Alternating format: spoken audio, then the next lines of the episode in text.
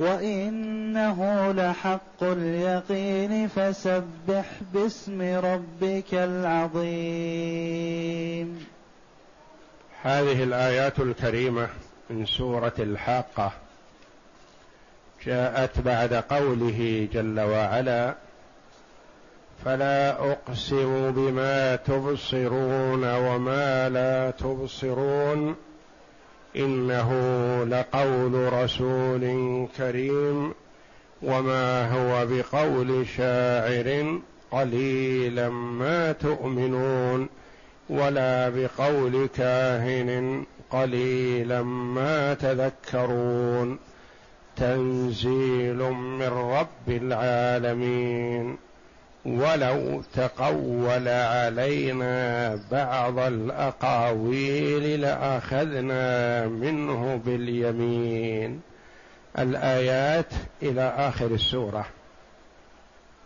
يقول الله جل وعلا ولو تقول علينا بعض الأقاويل.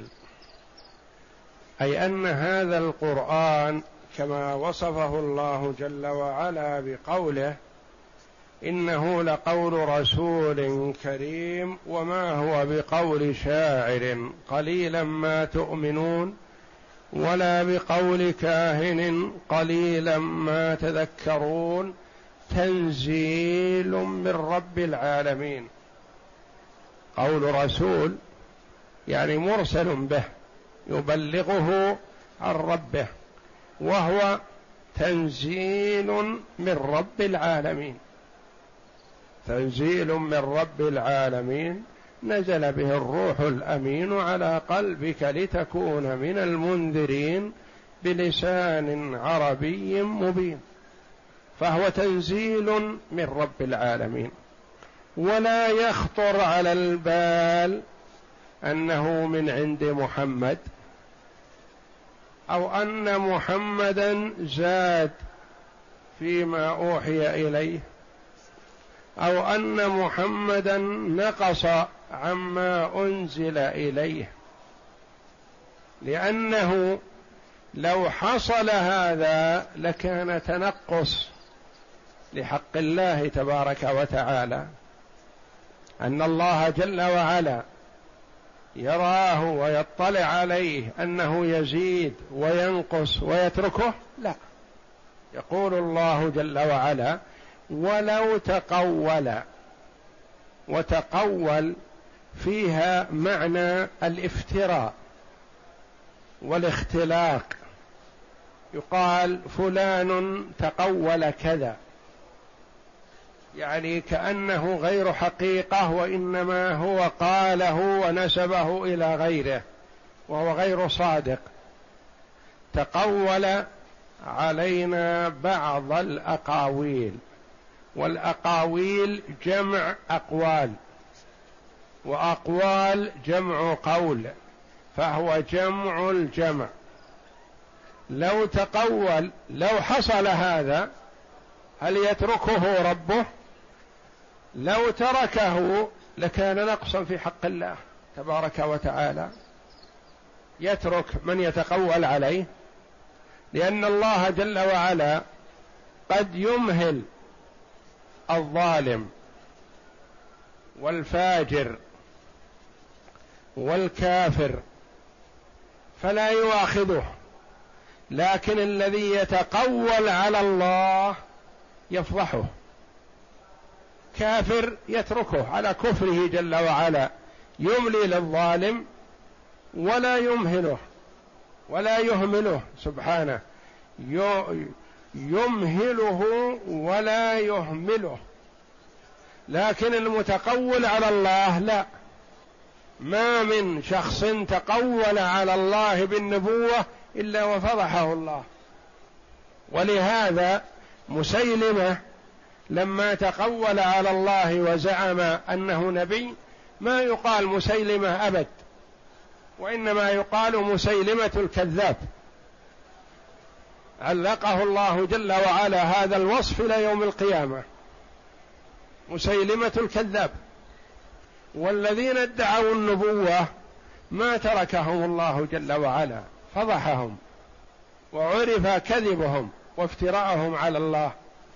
فلو تقول علينا بعض الأقاويل لأخذنا منه باليمين. الأخذ باليمين قال المفسرون رحمهم الله في معناها أقوال وكلها متقاربة. أخذنا منه باليمين يعني أن اليمين هي القوية فاليمين تأخذ بقوة بخلاف الشمال. فالشيء الذي يمسكه المرء بشماله مثلا يكون أضعف مما يمسكه بيمينه. قالوا إن من أريد إقناعه أو تأديبه أو نحو ذلك يمسكه الماسك باليمين أو يمسكه بيمينه هو ويأخذ بيده لأجل أن يبلغه ما يقول أو يؤدبه. لأخذنا منه باليمين يعني بالقوة. أو أخذنا بيمينه وفعلنا به ما نريد ما تركناه. ثم ماذا تكون النتيجة؟ ننفضه باليمين أو نؤدبه تأديب لا. ما يقف إلى هذا الحد. لأن التقول على الله جل وعلا أعظم من الشرك لأن الشرك المرء يشرك في نفسه يكفر في نفسه ويعبد مع الله غيره بنفسه. لكن المتقول على الله يضل يضل الناس. ولذا جعل الله جل وعلا القول عليه بلا علم أعظم من الشرك به. لأخذنا منه باليمين ثم ماذا؟ ثم لقطعنا منه الوتين. الوتين قيل هو نياط القلب وقيل حبل القلب وقيل القلب وما حوله من المراق وكلها ترجع إلى القلب. فهو الذي إذا قطع انتهى المرء ليس له حياة. ثم لقطعنا منه الوتين. هذا بيان لصدق محمد صلى الله عليه وسلم وأنه لو كان زاد أو نقص ما تركه الله بل هو صادق. فإقرار الله إياه ونصره إياه وتأييده بالمعجزات صلى الله عليه وسلم كل هذه أدلة على صدقه صلوات الله وسلامه عليه. وفيها تحذير ووعيد لمن افترى على الله. إذا كان محمد صلى الله عليه وسلم وهو أفضل الخلق وأكرم الخلق على الله لو زاد أو نقص لفعل به هذا فما بالك بمن دونه. ففيها وعيد لكل من تسول له نفسه الافتراء على الله والقول على الله بلا علم. أن الله لا يقره ولا يتركه. لأخذنا منه باليمين ثم لقطعنا منه الوتين. لأن الأخذ باليمين قد لا يوصل إلى الهلاك. قد يؤخذ المرء بيمينه فيضرب أو يسجر أو يؤدب لكن ما يقضى عليه. والله جل وعلا أنه لو حصل هذا من محمد ما أقر ولا أخذ صلى الله عليه وسلم ولا حتى يقضى عليه. حتى يقطع نياط قلبه. ثم لقطعنا منه الوتين الوتين نياط القلب أو حبل القلب أو القلب وما حوله من المراق والمراد القضاء عليه نهائيا. ثم لقطعنا منه الوتين فما منكم من أحد عنه حاجزين. هل يستطيع أحد منكم أن ينقذه من عذابنا؟ هل يستطيع أحد منكم أن يقيه عذابنا؟ ما تستطيعون. لو كل كفار قريش تواطؤوا على نصره وإنقاذه من عذابنا ما استطاعوا. ما أحد يستطيع أن يحجز بيننا وبينه. اثنان تخاصما أو تضاربا يقوم واحد آخر فاعل خير ويحجز بينهم. يمنع هذا عن هذا ويفرق بينهم. يستطيع. لكن الله جل وعلا إذا أرسل عذابه أو عقوبته على شخص ما يستطيع. لو أهل الأرض كلهم أرادوا إنقاذه من عذاب الله ما استطاعوا. وكذا الضد. إذا أراد الله جل وعلا نجاة عبد من عباده لو تواطى أهل الأرض كلهم على تعذيبه ما استطاعوا. فما منكم من أحد أي أحد كائن من كان وأحد يفهم منها الجمع ولهذا قال في وصف حاجزين. أحد لفظها مفرد ومعناها الجمع. يعني ما يستطيع الناس كلهم. فما منكم من أحد عنه حاجزين يعني مانعين عذابنا منه. إذا أراده الله. فما يمكن أن يكذب عليكم من أجلكم لأنكم لا تستطيعون تخليصه من العذاب. ولا يمكن أن يكذب علينا ونحن نطلع لأننا نستطيع تعذيبه والأخذ على يده ومنعه. فما منكم من أحد أي أحد مهما أوتي من قوة ما يستطيع أن يحجز بيننا وبينه. ما أحد يستطيع أن يحجز بينه وبين عذابنا. اقرأ.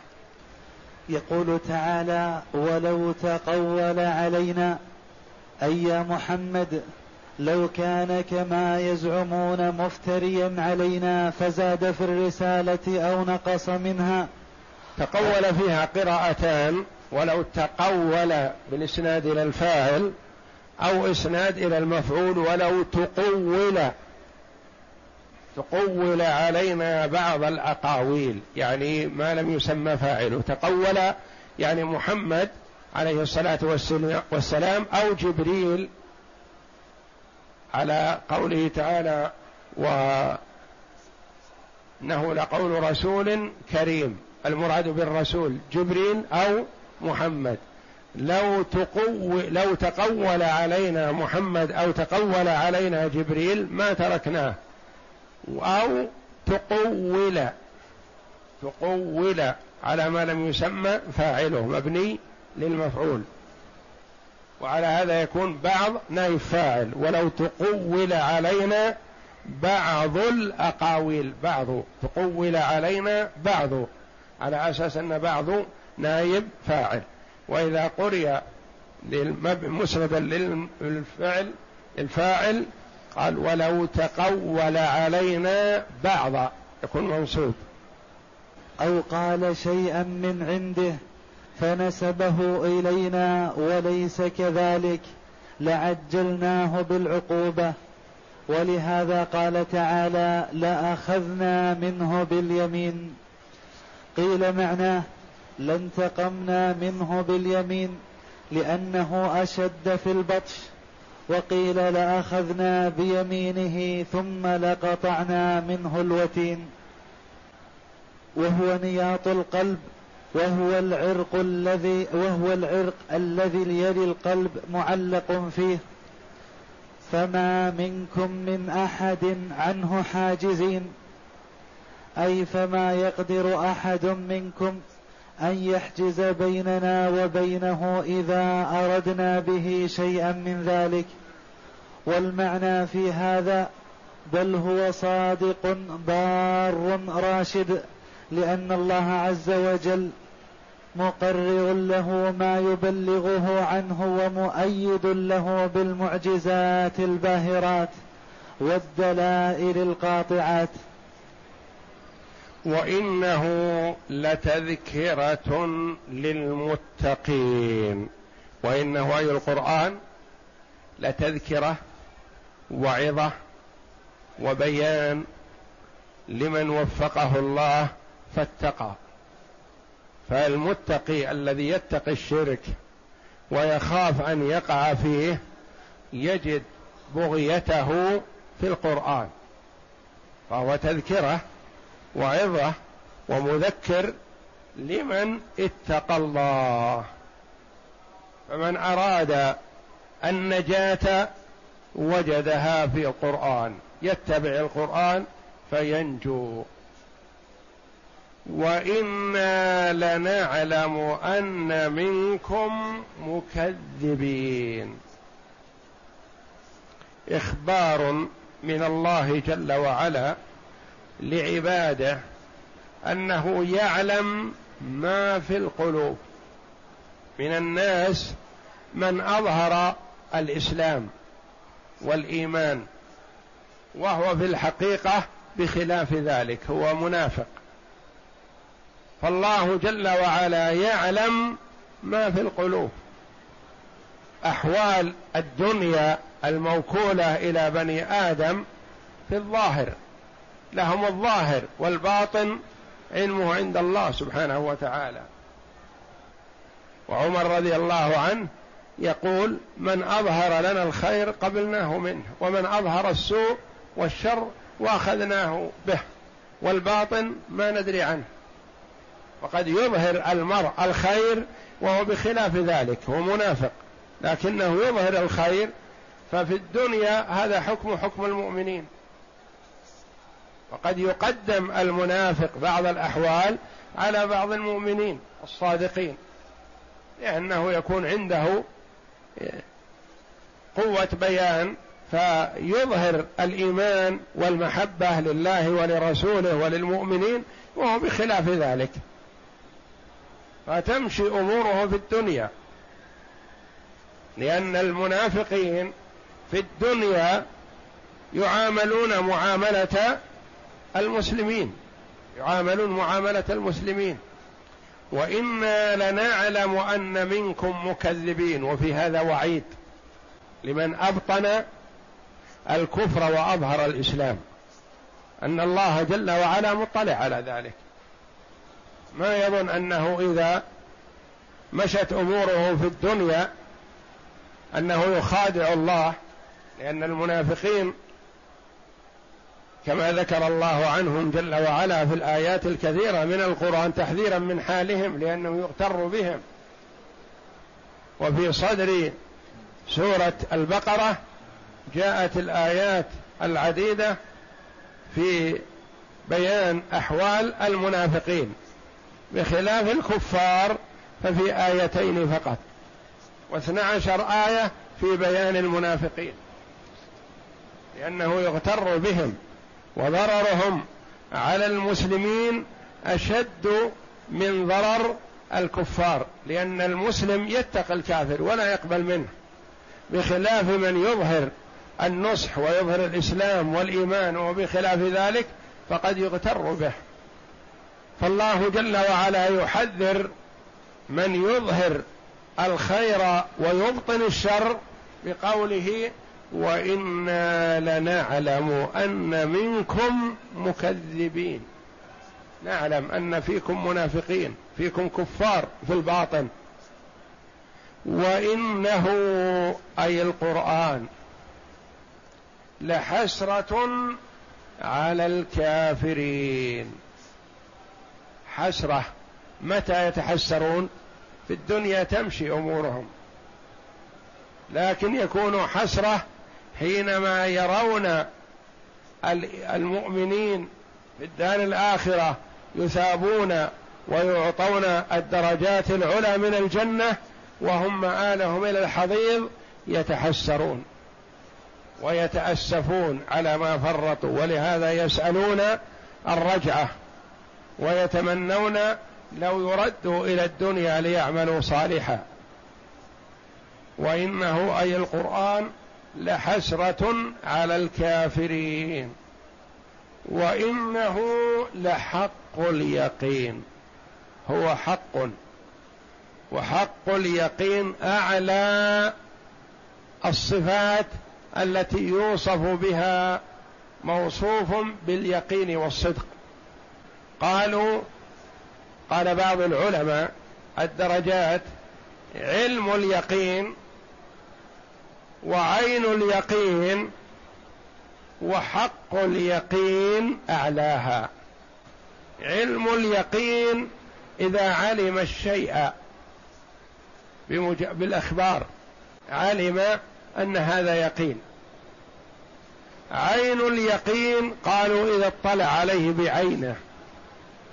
حق اليقين أعلى إذا تذوقه وتأكده.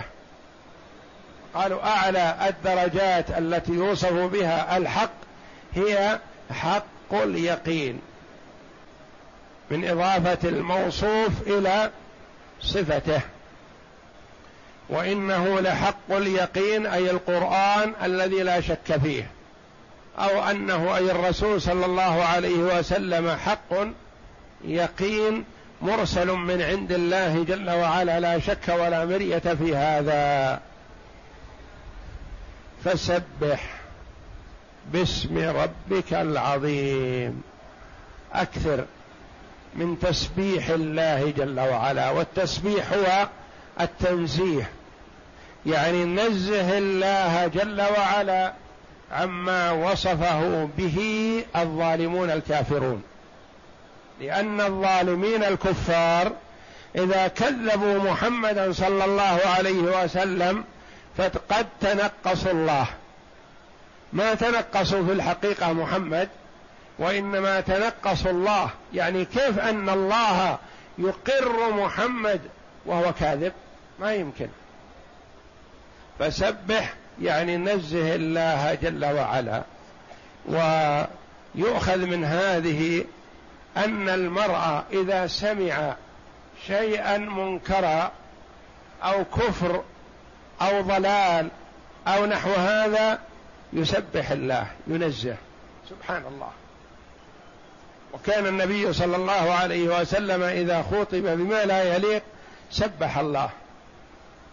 ورد أن هذه الآية أول ما نزلت قال النبي صلى الله عليه وسلم اجعلوها في ركوعكم. يعني سبحان ربي العظيم. فسبح يعني نزه. ربك جل وعلا العظيم المستحق للتعظيم والإجلال سبحانه وتعالى.